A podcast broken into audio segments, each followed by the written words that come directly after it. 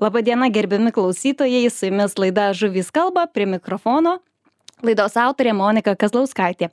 Šiandieną polsiaujame daug kas prie jūros, prie e, kuršių nerijos, tai labai gera proga pasikalbėti, kas tose jūrose ir mariose gyvena, kas ten kartu pliuškenas ir maudosi su mumis. Ir šiandieną jūros ir kuršių marių vandens pasaulį padės su manimi patyrinėti Lietuvos jūrų muziejaus biologas Remigijus Dailydė. Sveiki, Remigijau. Labadiena pirmiausia na spėsim dar tikrai pasikalbėti apie žuvis bet man iš tiesų labai įdomus klausimas apie kuršių marias. Maudomės baltijos jūroje tai yra visiškai natūralu ir suprantama. O ar įmanoma dar maudytis kuršių mariose jūs lyg esat anksčiau minėjęs kad netoli kuršių marių maudotės.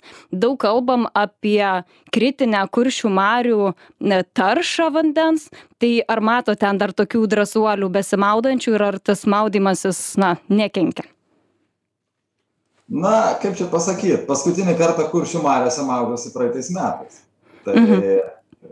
ta prasme kada buvo labai čia šilti orai pas mus klaipėdoj šiek tiek buvau užplaukęs su valtele pažvejoti įkaitau o kuršių marios tokia labai smagi temperatūra dvidešim keturi dvidešim penki laipsniai tai beveik kaip tropinėj jūroj tai išdrįsau nusimaudyt iš tikro tai nieko baisaus mhm. žmonės maudosi ir kintų miestelis turi savo krantinę ir ir ventėj mačiau vaikus besimaudančius ir nidoj nežinau kiek ten drastiškai žmonės eina maudytis bet iš tikro tai nėra pavojinga. Ta ta situacija kurią kartais mum papasakoja išsigandę įvairūs mokslininkai mus pagąsdina šiek tiek tai na iš dalies jinai tos teisybės turi bet jeigu jo negerti šito vandens ir neryti ir nelaikyti burnoje tai tikrai nieko neatsitiks gerai pakalbėkim apie tuos kam aktualiau turbūt tarša kas ten gyvena nuolat plaukioja nuolat tai yra žuvys. Am apskritai apie kuršių marias anksčiau buvo kalbėta tai kad tai yra a vienas ar netgi produktyviausias vandens telkinys visame pasaulyje žuvų išteklių klausimu. Kokia padėtis yra dabar? Kaip ta situacija keitėsi? Kalbu turbūt tas produktyviausias vandens telkinys buvo čia tarpukariu ar ne na ten buvo tų tokių istorijų įdomių kada reiškia dėl tam tikrų priežasčių žmonija labai mažai žvejojo kuršių mariose būtent karo metu ta prasme matyt ar saugu nebuvo aš nežinau man sunku paaiškint bet tam tikros statistikos kurias įmanoma surasti tose vat senuose raštuose išlikuose išlikusiuose ypač kur sugavimai ten skaičiuojami buvo tai matosi kad yra keli etapai buvę kuršių mariose labai prasti po ypač po pirmo pasaulinio karo ten toks matyt buvo pradėtos fiksacijos stipresnės daryt kada maždaug mėginta paskaičiuot. O paskui atsirado toks stipresnis atsigavimas taip trečiajam dešimtmetyje iki karo paskui vėl ten subangavo. Tai čia grynai turbūt susiję su fizinių žuvų išgaudymu žinoma sunkoka tokias marias išgaudyt lyg tai būtų. Bet gamta yra tokia keistai sudėta jinai. Kartais ne vienas faktorius kartais keletas faktorių lemia populiacijose jų staigų šuolį ten išsiplėtimą. Kartais smukimą tai kiekvienu atveju nereikėtų žinoma žiūrėti vienareikšmiškai. Tai mum reikėtų tada per kitą prizmę pasižiūrėt o gal kas nors atsitiko gal kokios invazijos buvo ligų gal protrūkiai kokie buvo kad tai buvo sumažėję o to nerašo tuometiniai nei laikraščiai nei nei spauda Taip, o dabar apie kuršių marias kalba daug kas, tai, na, pačių sterkų populiacija yra drastiškai sumažėjusi, kitos plėšrios žuvies taip pat sumažėjo. Kas atsitiko būtent jau mūsų laikais su kuršių mariomis, kad to žuvies ištekliai neguminiai pamatėm? Sterkai sterkai jie yra kaip kaip čia pasakyt kaip geras gintaro gabalas pajūry.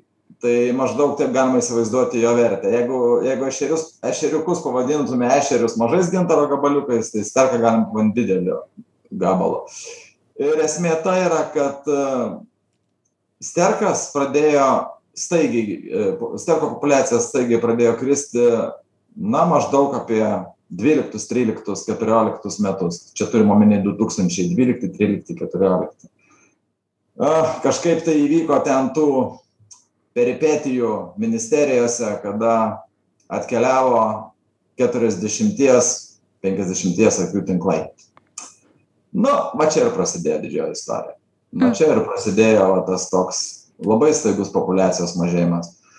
Būdavo dar tokių atvejų kada yra ir šuoliai į priešingą pusę yra buvę aš jum galiu maždaug papasakot tokią keistą istoriją kuri egzistavo. Tikrai jinai yra nes aš savo akimis mačiau. Tai maždaug tūkstantis devyni šimtai aštuoniasdešims trečių aštuoniasdešims penktų metų populiacijos šuolis į viršų buvo kada dar į kuršių marias tais laikais starkius leisdavo kaip dirbtinį nu tokį papildymą mailiaus.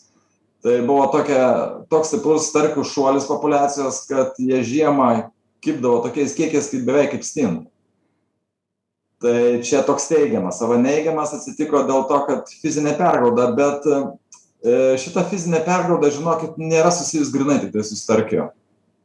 Kadangi kaip čia pasakyt populiacija reguliuojasi dar priklausomai ir nuo maisto kiekio tai manau kad čia dar didelę įtaką daro mažėjantys katastrofiškai stintų kiekiai kurie pas mus įplaukia neršti vat stintos pavasario. Kiekiai labai smarkiai mažėja o o čia pergaudymas lemia jų mažėjimą? Taip stintos išvis žuvų pergauda yra pati pavojingiausia populiacijai tai čia europos komisija yra įrodžius tuos dalykus ir ir tie priverstiniai tokie menkės saugojimo apribojimai kurie buvo įvesti vokietijoje kurie paskui išplito į rytinę menkę mūsų krantu atėjo tai čia yra susiję konkrečiai su fiziniu pergaudymu. Tai dabar kas tą pergaudymą lemia? Tai lemia kontrolės nebuvimas. Kontrolės nebuvimas ir kada jau žvejai mėgėjai kyla į mūšį juokaudamas sakau ir įrodinėja visiem aplinkui kad tikrai nebėra žuvies kuršių mariose tai reikėjo atkreipt dėmesį dar turbūt kokiais du tūkstančiai penkioliktais ar aštuonioliktais metais kad čia yra kažkas negerai. Bet mokslininkų ataskaitos jos rodo visą laiką negerai bet rodo stabiliai negerai. Ta prasme jie ten tokių kritinių situacijų neišpiešia aš visą laiką perskaitau tas mokslines ataskaitas ten stabiliai blogai rašo. Stabiliai bloga situacija ten ta prasme kad vienų žuvų pamažėjo šiek tiek va čia vienais metais ešerių pamažėjo dabar biškį padaugėjo kitais metais pamažėjo ten karšių paskui vėl padaugėjo. Ta prasme mokslininkai jie varpeliais neskambina jiem ta prasme jiem neįdomu jie parašo ataskaitas ir ir tos ataskaitos nukeliauja kažkur į ministeriją atsigula į stalčių tuo viskas ir pasibaigia Kuo... Bet kada susidomi visuomenė, tada jau būna prastai. Kuo apskritai, Remigijau, grėsia, kas grėsia kuršių mariams, jeigu ten taip drastiškai mažėja žuvies, yra pergaudimai, net neseniai vienas žvėjys mėgėjas man atsiuntė nuotrauką, kur jis pirko pajūryje stintelių, ten tokių keptų ir stintų dydis kaip mano mažasis pirštas. Tai iš vis tokios visai mažytės, sako, kokia tuomet tinklo akis turėtų būti, kad tokios žuvys patenka būtent į tuos tinklus. Tai būtent būtent kas gresia kuršių marioms, jeigu juose liks uh, mažiau gyvybės, ar iš vis praktiškai jos neliks? Na, jūs stintelės turbūt, matėt, stintelės turbūt matėt jų, tas jų oponentas, kuris jums skambino, matė turbūt stinteles, tas vadinamas stinteles kuršimarių, kur yra tokia mažoji forma gėlavandenė stintų ir jie maždaug, vat, kaip, kaip jūsų piršto dydžio, ten apie centimetro diametras, ten maždaug. Jų kažkada buvo labai daug kuršimarės ir kuršimarės buvo vienas iš pagrindinių šitų žuvi, žu, žuvyčių džiovintų tiekimo į vakarų Europą. Tai čia buvo kuršių marių arkliukas bet po antro pasaulinio karo jos labai masiškai pradėjo mažėt ir jų liko tiktai na jų niekas negaudo pramoniniu būdu dabar ir per daug ir ir gal rusai šiek tiek pagaudo bet jų yra labai nedaug ta prasme tai tai išlikę tai vat jas ir pamatė o iš tikro kas tai sąlygoja žuvų pergauda sąlygoja labai keistą dalyką keičiasi rūšinė sudėtis. Menkaverčių žuvų padaugėja tų žuvų kurios žmonės nelabai vartoja ta prasme kurios yra menkos vertės tokios plakiai pavyzdžiui nu jų ten niekas nevalgo ten tiktai žvejai vietiniai deda į žuvienę kaip priedą kuo kuo daugiau žuvienę įdėsi skirtingos žuvies tuo skaniau gausis kuojos pavyzdžiui jos irgi bevertės visiškai yra nu jas ten pavasarį jeigu pagauna su ikrais padžiovina tai vat kažkur ten jas parduoda. Ta prasme bet šiaip žu žuvis kaip kaip ta mėsos vertybė jinai yra labai prasta. Tai tai tai vat tokiom žuvim susidaro palankesnės sąlygos ir žvėjas mažiau ima mažiau gaudo o didesnis gaunasi krūvis toks atakos kampas stipresnis eina į plėšriąsias žuvis ypatingai sterkus.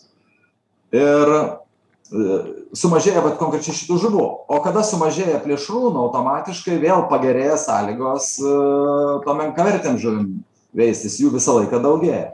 Beje čia žinokit yra ne tiktai ta viena priežastis bet yra čia kelios yra priežastys visų pirma mineralizacijos kiekis kuris buvo tarybiniais laikais ta prasme iš iš iš išmetamų įvairių teršalų jisai skatino labai stipriai marių žydėjimą didėja organikos kiekiai tačiau jisai didėjo ir mikrodumbliai didėjo ir vėžiagyvių kiekiai ta prasme toks nu savaiminis e, gaunasi toks kaip kaip čia pasakyt kaip kisielius toks verda vieni savyje ir viskas yra gerai.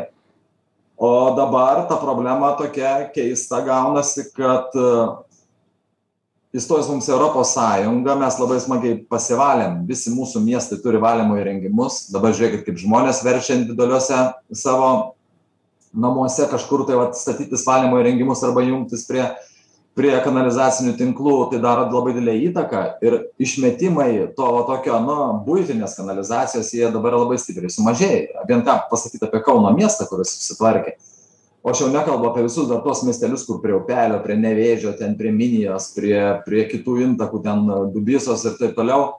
Tai tai e, visa tai galų gale pašvarėja ir kuršių marios. Tai sustojo rusijoj pavyzdžiui sovietske sustojo pats didžiausias teršėjas popieriaus gamykla ir iš karto pasijuto kuršių marios situacija pagerėjo ta prasme cheminio užterštumo Mhm. Bet mes turėjom Grigėjo skandalą. Žvejyba. Ir va čia ta besaikė žvejyba pergauda, jinai dabar persloksnioja rūšinį sąstatą ir gaunasi tam tikrų žuvų trūkumų.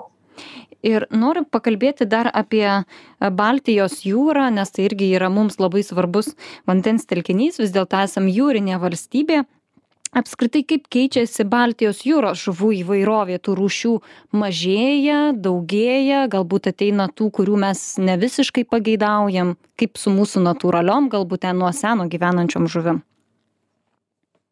Na ta situacija labai panaši kaip su kuršių mariomis yra. Tiktai tiek kad aplink kuršių marią gyvenam didžiąją dalį kuršių marių gyvena rusai šiek tiek gyvenam mes. O ten aplink baltijos jūrą prašau kiek tautų gyvena tai susireguliuot tas visas žvejybas yra pakankamai sudėtinga. Tačiau europos komisija jinai imasi sam tam tikrų priemonių ir pakankamai sėkmingai imasi kad apribot tas visas žvejybas. Tačiau yra tokių paradoksalių situacijų. Na vis tas žmogus kažkaip jis mėgina išsilankstyti kad jam būtų patogiau kad būtų geriau. Aš jum tiesiog iš lietuviško pavyzdžio pateiksiu. Kada įvedė draudimą gaudyti menkėm čia prieš du atrodo tris metus tai visi čia už galvų susiėmė viskas mes čia bankrutuosim mes iš menkių gyvenam.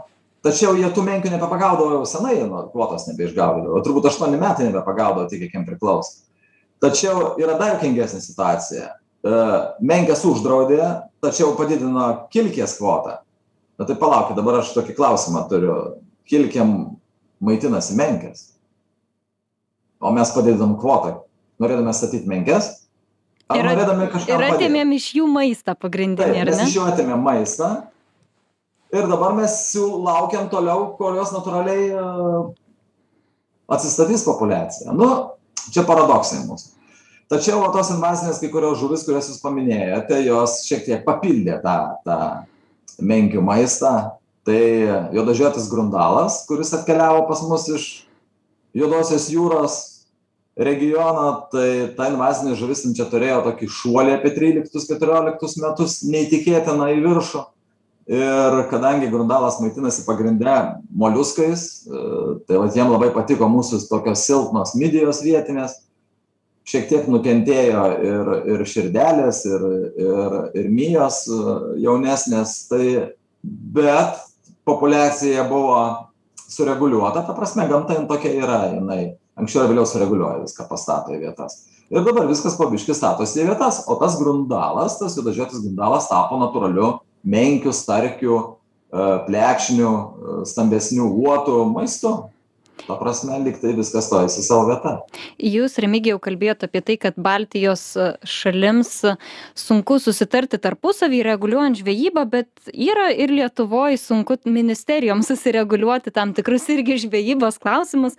Apie OTA pasikalbėkime, nes, na, čia vėlgi turbūt toks yra paradoksas, kai pavasarį nuo gegužės iki Liepos mėnesio žvėjams mėgėjams yra draudžiama OTų žvejyba, o žvėjams verslininkams leidžiama. Tai ką tai reiškia kodėl taip atsitiko ir apskritai kiek mes tų otų turim kaip jų populiacija gyvuoja. O otas pats kaip žuvis yra labai nu aukšto aukšto kulinarinio rodiklio kaip sako labai skani yra. Ir jos vertingumas yra didesnis negu starkio tai e, vat nuo to viskas ir prasidėjo kol mūsų pakrantės mum nepriklausė o priklausė tai garsiajai tarybų sąjungai ir neleisdavo žvejams žvejoti pakrantėse tų uotų buvo pas mus labai daug. Vidutinis dydis jų buvo nuo penkių iki aštuonių kilogramų ir pakrantėj tokių pagaut penkių keturių trijų dviejų aštuonių nu nebuvo problemos. Ta prasme kas mokėjo juos gaudyt tai labai smagi žvejyba yra ir jie pagaudavo tačiau nepriklausomybės laikais kada atsidarė tos artelės mažiukai žvėjukai kada jie pradėjo klotis tinklus specialiai uotam gaudyti o jie nukloja taip kad uotai net prie kranto neprieina tai jų labai staiga pradėjo mažėt pradžioj sumažėjo jų dydžiai e, trijų krito iki trijų kilogramų dydžio maždaug e, standartas paskui jis dar mažėt pradėjo nes šiaip uotas seniau neršdavo nepas nu taip arti trijų kilogramų du su puse du septyni jo svoris turėdavo būt toks kad jisai išnerštų o dabar tie patys uotai neršia jau pasiekę kilogramą kilogramą su biškį tai rodo kad yra stipriai pažeista populiacija. O mūsų įstatymai tai išvis paradoksiniai yra. Kadangi mėgėjų žvejojančių uotus nu aš dabar taip labai nu pajuokaudamas pasakysiu. Nu gal dešim yra pakrantėj gal koks vilnietis įsigudrinęs yra gal koks kaunietis jau pastebėjęs kaip vietiniai gaudo uotus atvažiuoja jų pažvejot bet šiaip tų žvejų mėgėjų labai mažai yra. Uotą yra pakankamai sudėtinga pagaut iš tikro labai kvaila žuvis lengvai pagaunama bet reikia žinot kaip jį pagaut tai va tai tai žvejų mėgėjų e, žvejybą reguliuoja aplinkos ministerija. O verslininkų žvejų reguliuoja žemės ūkio ministerija. Tai jeigu jau mėgėjas nuo gegužės pirmos šiukštu negali įbristi į į baltijos jūrą ir žvejoti uoto. Tai verslininkai pati žvejyba tik prasideda nes uotas ateina į nerštą atplaukia į nerštą kada jūra turi būti dvylikos trylikos laipsnių keturiolikos. Tai tik prasideda. O jau žvejai nebegali mėgėjas viskas tu negali tai va čia šitos institucijos kurios tarpusavy nesusišneka ir yra rakštis ir ne tiktai baltijos jūroj yra didelė rakštis ir kuršių mariom ir iš viso man labai keista kodėl žemės ūkio ministerija kuri užsiima žemės ūkiu turi užsiimti aplinkosauga.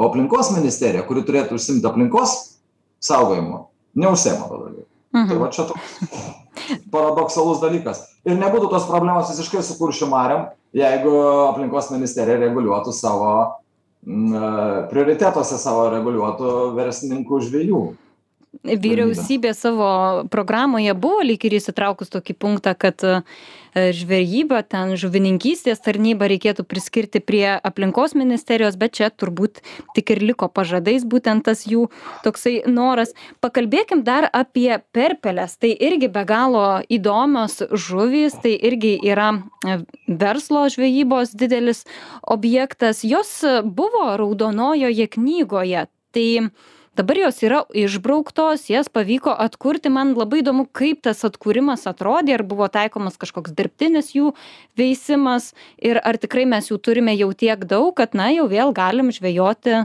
su versliniais įrankiais. Na čia jum kaip lietuviškoj pasakoj vieną kartą gyveno senelis ir senelė. Niekas su jom niekas neužsiėmė. Šiaip tai žuvis jinai skaitosi tokia jeigu būt galima palyginti skonį tai tarp lašišos ir tarp silkės. Skani žuvis jinai nuo seno yra gaudoma vietinių žvejų kuršių mariose tačiau tarybiniais laikais jų tiek sumažėjo. Čia greičiausiai yra susiję su užterštumu dėl to kad tai yra jūrinė žuvis ir ir jinai atplaukia neršt tiktai pas mus į kuršių marias. Kuršių marios buvo labai stipriai užteršiamos tai čia greičiausiai su tuo susiję nes nes pati e, žuvies sugavimų reguliavimo sistema jinai egzistavo tarybiniais laikais jie ten saugojo tas kuršių marias. Tačiau kadangi tokia mistinė žuvelė mes apie ją labai šiaip ir biologiškai labai mažai apie ją žinome apie jos ypatingai tą ekologinę gyvenseną kur jinai gyvena kaip jinai ten maitinasi ten yra tiktai tokios vat tarp kitko surašyta o tokių rimtų tyrimų mokslinių su išvadom man neteko bent jau matyt. Gal aš tiesiog pražiopsojau čia tačiau aš visą laiką pasidomiu ta perpele kokia situacija yra. Ir dabar ta situacija nėra gera. Ten tie skaičiai yra jų atplaukia jos ten neršia. Tačiau jų labai staigiai sumažėjo kai tiktai ją išėmė iš raudonosios knygos. Mhm. iš karto žvejai pradėjo pramo- pramonininkai jas gaudyti uh, tinklais o jos atplaukia maždaug apie birželio pradžią ten tas nerštas vyksta jos biškį anksčiau atplaukia jos ten šiek tiek pasimala gal kokios nerštavietes kol susiranda tai va tai tai tas šuolis gaudymo ten įvyko ir didžiąją populiacijos dalį išgaudė. Dabar jų yra. Negali sakyt kad jos išnyko kadangi jos iš jūros atplaukė jos šiek tiek išneršė va dabar šiemet čia kelios dienos atgal mačiau kaip jas gaudo žvejai mėgėjai nuo kranto ant virtinių masalų bet jie visi jas paleidžia kadangi jos yra mažytės. Ta prasme nu tokių delninukių niekas neima. Mhm. Bet- čia labai retas atvejis tai rodo kad tikrai populiacija jinai yra gyvybinga ir gali būt kad jinai gali greit ir atsistatyt ta prasme jeigu bus apribotas kažkiek tai žvejyba verslinė žvejyba mariose tai čia silkinė žuvis labai greit atsistato Apie kitas silkines žuvis būtinai pasikalbėsim po pertraukėlės, o dabar turim keliauti pasiklausyti žinių. Tuoj sugrįšim. Sveiki, mėly žinių radio klausytojai, su jumis laida Žuvys kalba, prie mikrofono Monika Kazlauskaitė. Šiandieną nagrinėjame Baltijos jūros ir kuršių marių pasaulį kartu su Lietuvos jūrų muziejaus biologu Remigijumi Dailide. Prieš pertrauką kalbėjome apie labai įdomią žuvį perpelę, dabar norėčiau pakalbėti apie kitą jos giminaitę strimelę. Ir um, neseniai žinių radijoje uh, žvėjys, verslininkas, tiksliau verslininkų atstovas, pasigodė, kad strimelės pardavinėja vos už 10 centų. Tai iš tiesų gana graudų skaičiai, kaip pagalvoji, ar ši žuvis yra, na, tokia tikrai pigi ir neverta būtent uh, būti parduodama bent jau už kažkokį solidesnį uždarbį. na žuvis žuvis kaip žuvis. Kaina nulemia rinką ir čia tas žvejas tikrai jisai neįtakos tos kainos. Galbūt problema yra ta kad tas strimeles irgi labai taip jau pradėjo stipriai mažėt baltijos jūroj mes jau nebepagaunam didelių strimelių dabar ma tokios delninės strimelės kaip aš sakau čia vietinės tokios. Tai bėda turbūt yra kitame yra ta vadinama grandinė pardavimo kada pats žvejys pagauni turi išrūkyt ir parduot kad daugiau uždirbtum o supirkinėtojai visą laiką mažiau moka. Tai čia va ta daugiau daugiau ta problema. Ten aukštos vertės nėra iš jų dėl to kad baltijos jūros min mineralizacija maža jos didelės neužauga silkės tokio įmitimo jos nepasiekia riebalinio sluoksnio didelio neturi. Tai jau jas kai pagauna tai ten pakept pamarinuot šiek tiek parūkyt karšto rūkymo nu ten daug ko iš jų ten neišpeši kaip sako versle tokia menkavertė žuvis bet verslinė O bretlingis, kas yra per žuvis bretlingis, ar tai yra tasai Baltijos jūros šprotas, kurį esame įpratę matyti konservų skardinėse? Taip, tas pats. Taip, bretlingis Baltijos dar kitaip šprotas vadinamas, tai, tai yra va tokia labai, beje, panašiai strimelė žuvelė, tik dvigubai mažesnė, bet kadangi jinai tokia ir užauga, tokia nedidelė, tai jos vertė tokia ir atgaunasi panaši labai beje vertė į, į strimelę. Bet kadangi kulinarinis apdirbimas jos yra, na toks kaip pasakyt, labai aiškus ten, jie mėgsta parūkytas uždaryti konservų dėžutę arba ten jas pamarinuoja specialiai, specialiais prieskoniais pakankamai skani žuvis, tai jinai populiari yra. Bet šiaip tai žuvis, kaip, kaip žuvis, jinai yra jautri labai užterštumui, bretlingis yra jau švarų vandenį mėgstanti žuvytė ir jinai sudaro daugelio žuvų kaip maistą. Nu tai čia va tai tos pačios menkės. Menkės uotai starkiai vat kurie išplaukia į į jūrą pasiganyt iš kuršių marių. Bretlingis vienas iš pagrindinių maisto yra lašišos Mhm. Ir jūs, kaip Tai- minėjot, tai tiek bretlingių- Bretlingius reikia vienodai saugot kaip ir visas kitas žuvis. Taip, jūs minėjot, kad silkinės žuvys gana greitai atsinaujina, kas tai lemia, jos greitai subręsta ir jau pradeda neršti, ar dar ir kiti faktoriai. Taip, jūs labai, labai teisingai pastebėjote, silkinės žuvis greitai subręsta, greitai auga ir greitai subręsta. Strimelės jau neršia jos trijų metų visos ten pilnu tempu varo, bretlingas irgi. Tai, taip, kad čia uh, kiekiai pakankamai ikrų išmetami yra dideli, ta prasme, kad, kad uh, išneršia jos sėkmingai. Nerštas jūroje ant povandeninių kažkokių tai ten, vat, sakykime, akmenų, ant žolių povandeninių, tų senųjų dumblių iš praeitų metų likusių. Jis pakankamai sėkmingas yra, jeigu neštormuoja jūrą. Ir ten atsistatymas greitas yra. Tiesiog reikia sustoti. Vat Jeigu, pavyzdžiui, mes sugalvotume, kaip išsaugoti Baltijos žuvis, mums reikėtų visiems sustoti žvejoti Baltijos jūrą. O tiesiog keturi metai yra tas pirmas etapas ir dar keturi metai antras etapas. Ir po aštuonių metų būtų galima iš naujo pradėti po biškį, kaip sako, neskubant ir per daug nesiplišikaujant pažvėjoti. Sunku įsivaizduoti, kiek reikėtų iečių sulaužyti dėl tokio sprendimo.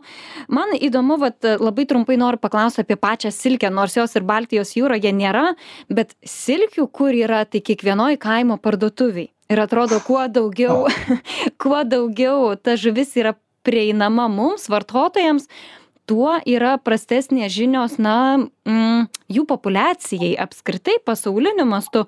Kiek daug mes to žuvies išsemiam, galbūt jūs kaip mokslininkas žinot, konferencijose dalyvaut ar straipsnius skaitot, kokia yra padėtis su silkėmis?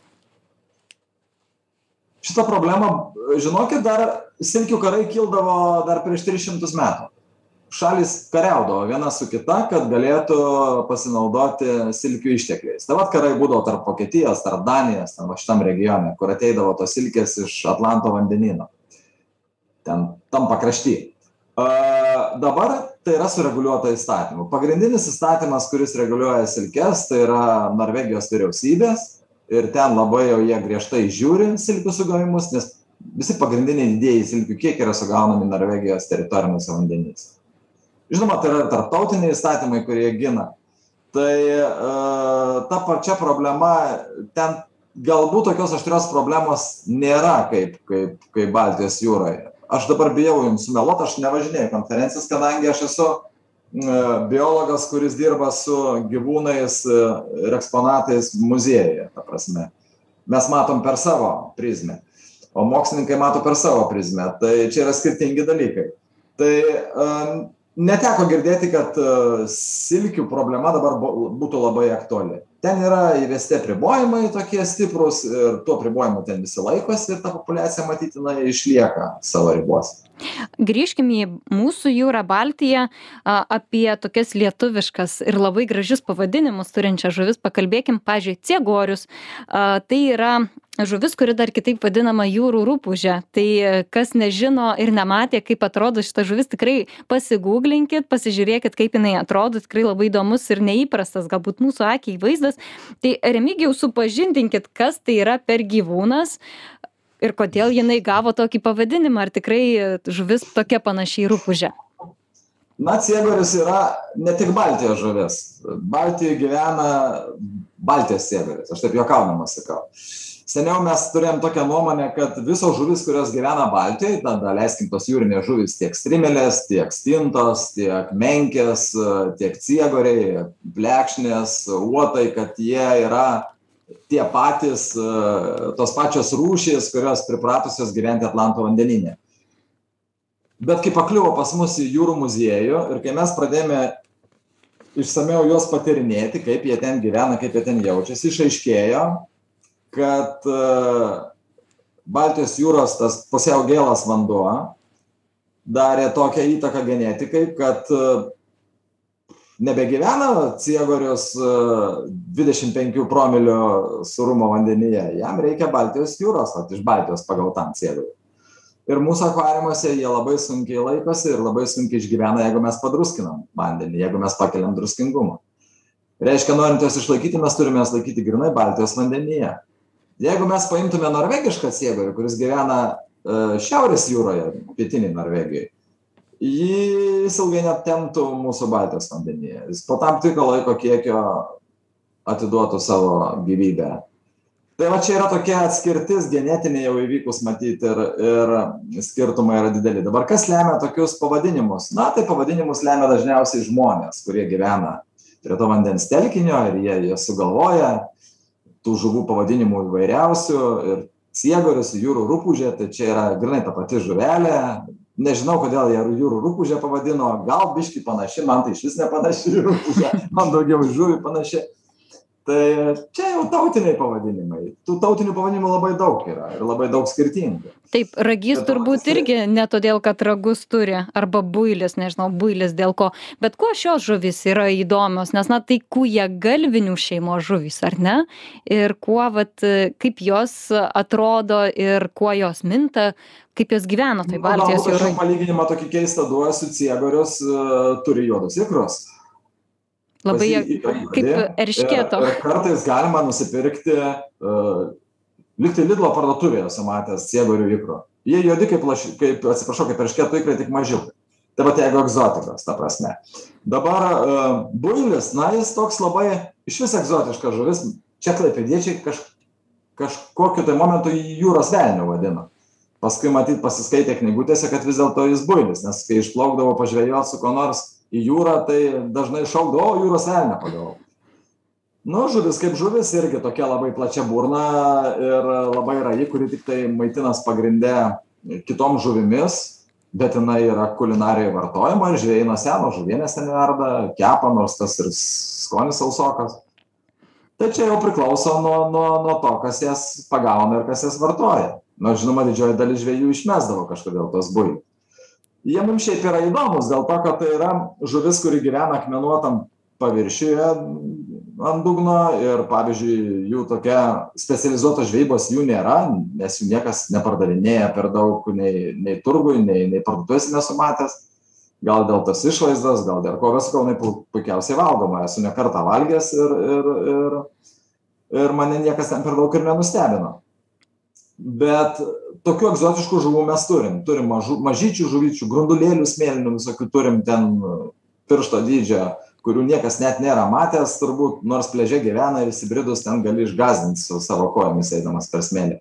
Taip kad tų tokių žuvelių egzotiškų ir baltijoj gyvena man labai egzotiškai ir įdomiai skamba a, jūros liežuvis. Tai galbūt nėra Baltijos jūros žuvis, bet lygtais a, buvau radusi straipsnį, kad prie šventosios a, buvo sugauta tokia žuvis, jų akys abi dešinėje ir jos plokščios. Tai ar jos vis dar yra aptinkamos Baltijos jūroje, ar tai iš kažkur kitur atplaukusi žuvis? Na baltija susisiekė su atlanto vandenynu ir mes svečių pastoviai iš ten sulaukiam tai jūros liežuvis jisai aš dirbau virš dvidešimties metų muziejuj ir nesumeluosiu turbūt kokius tris ar keturis kartus vat buvo tokie atvejai kada liežuvį pagaudavo. Ir kaip nebūtų keista pagaudavo prie šventosios tai tai va bet atkeliauja žuvys kadangi atlanto vandenynas jisai pakankamai audringas yra ir ten susidaro didžiulės e, srovės tai iš ten mum žuvies prineša pačios įvairiausios.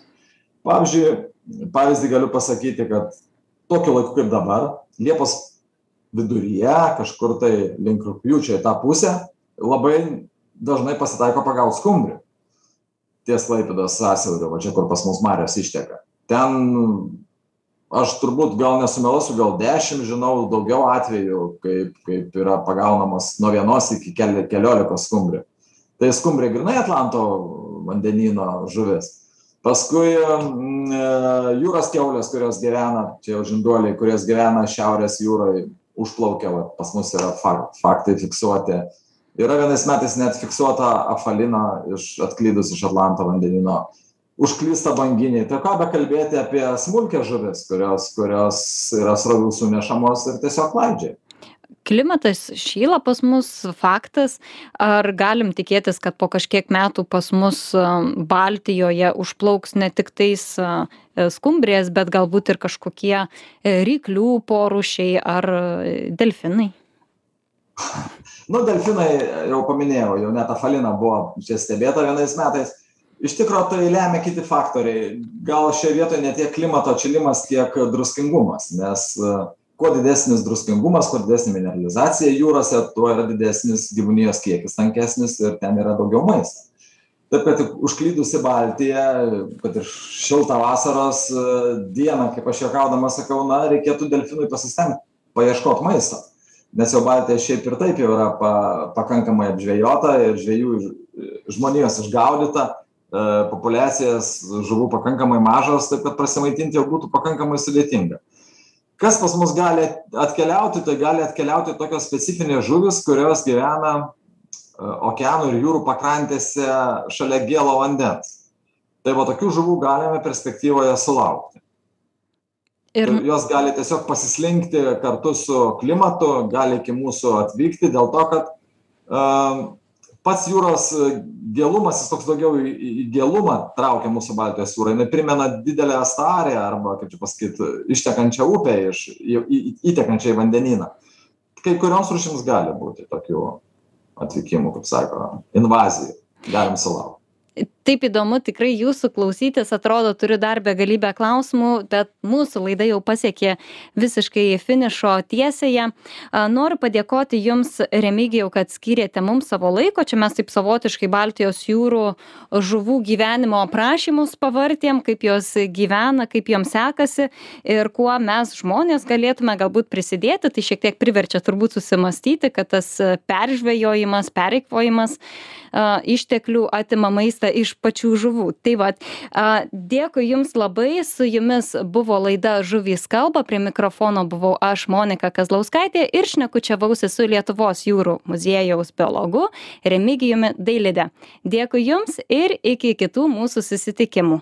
Iki pasimatymo. Viso geriausio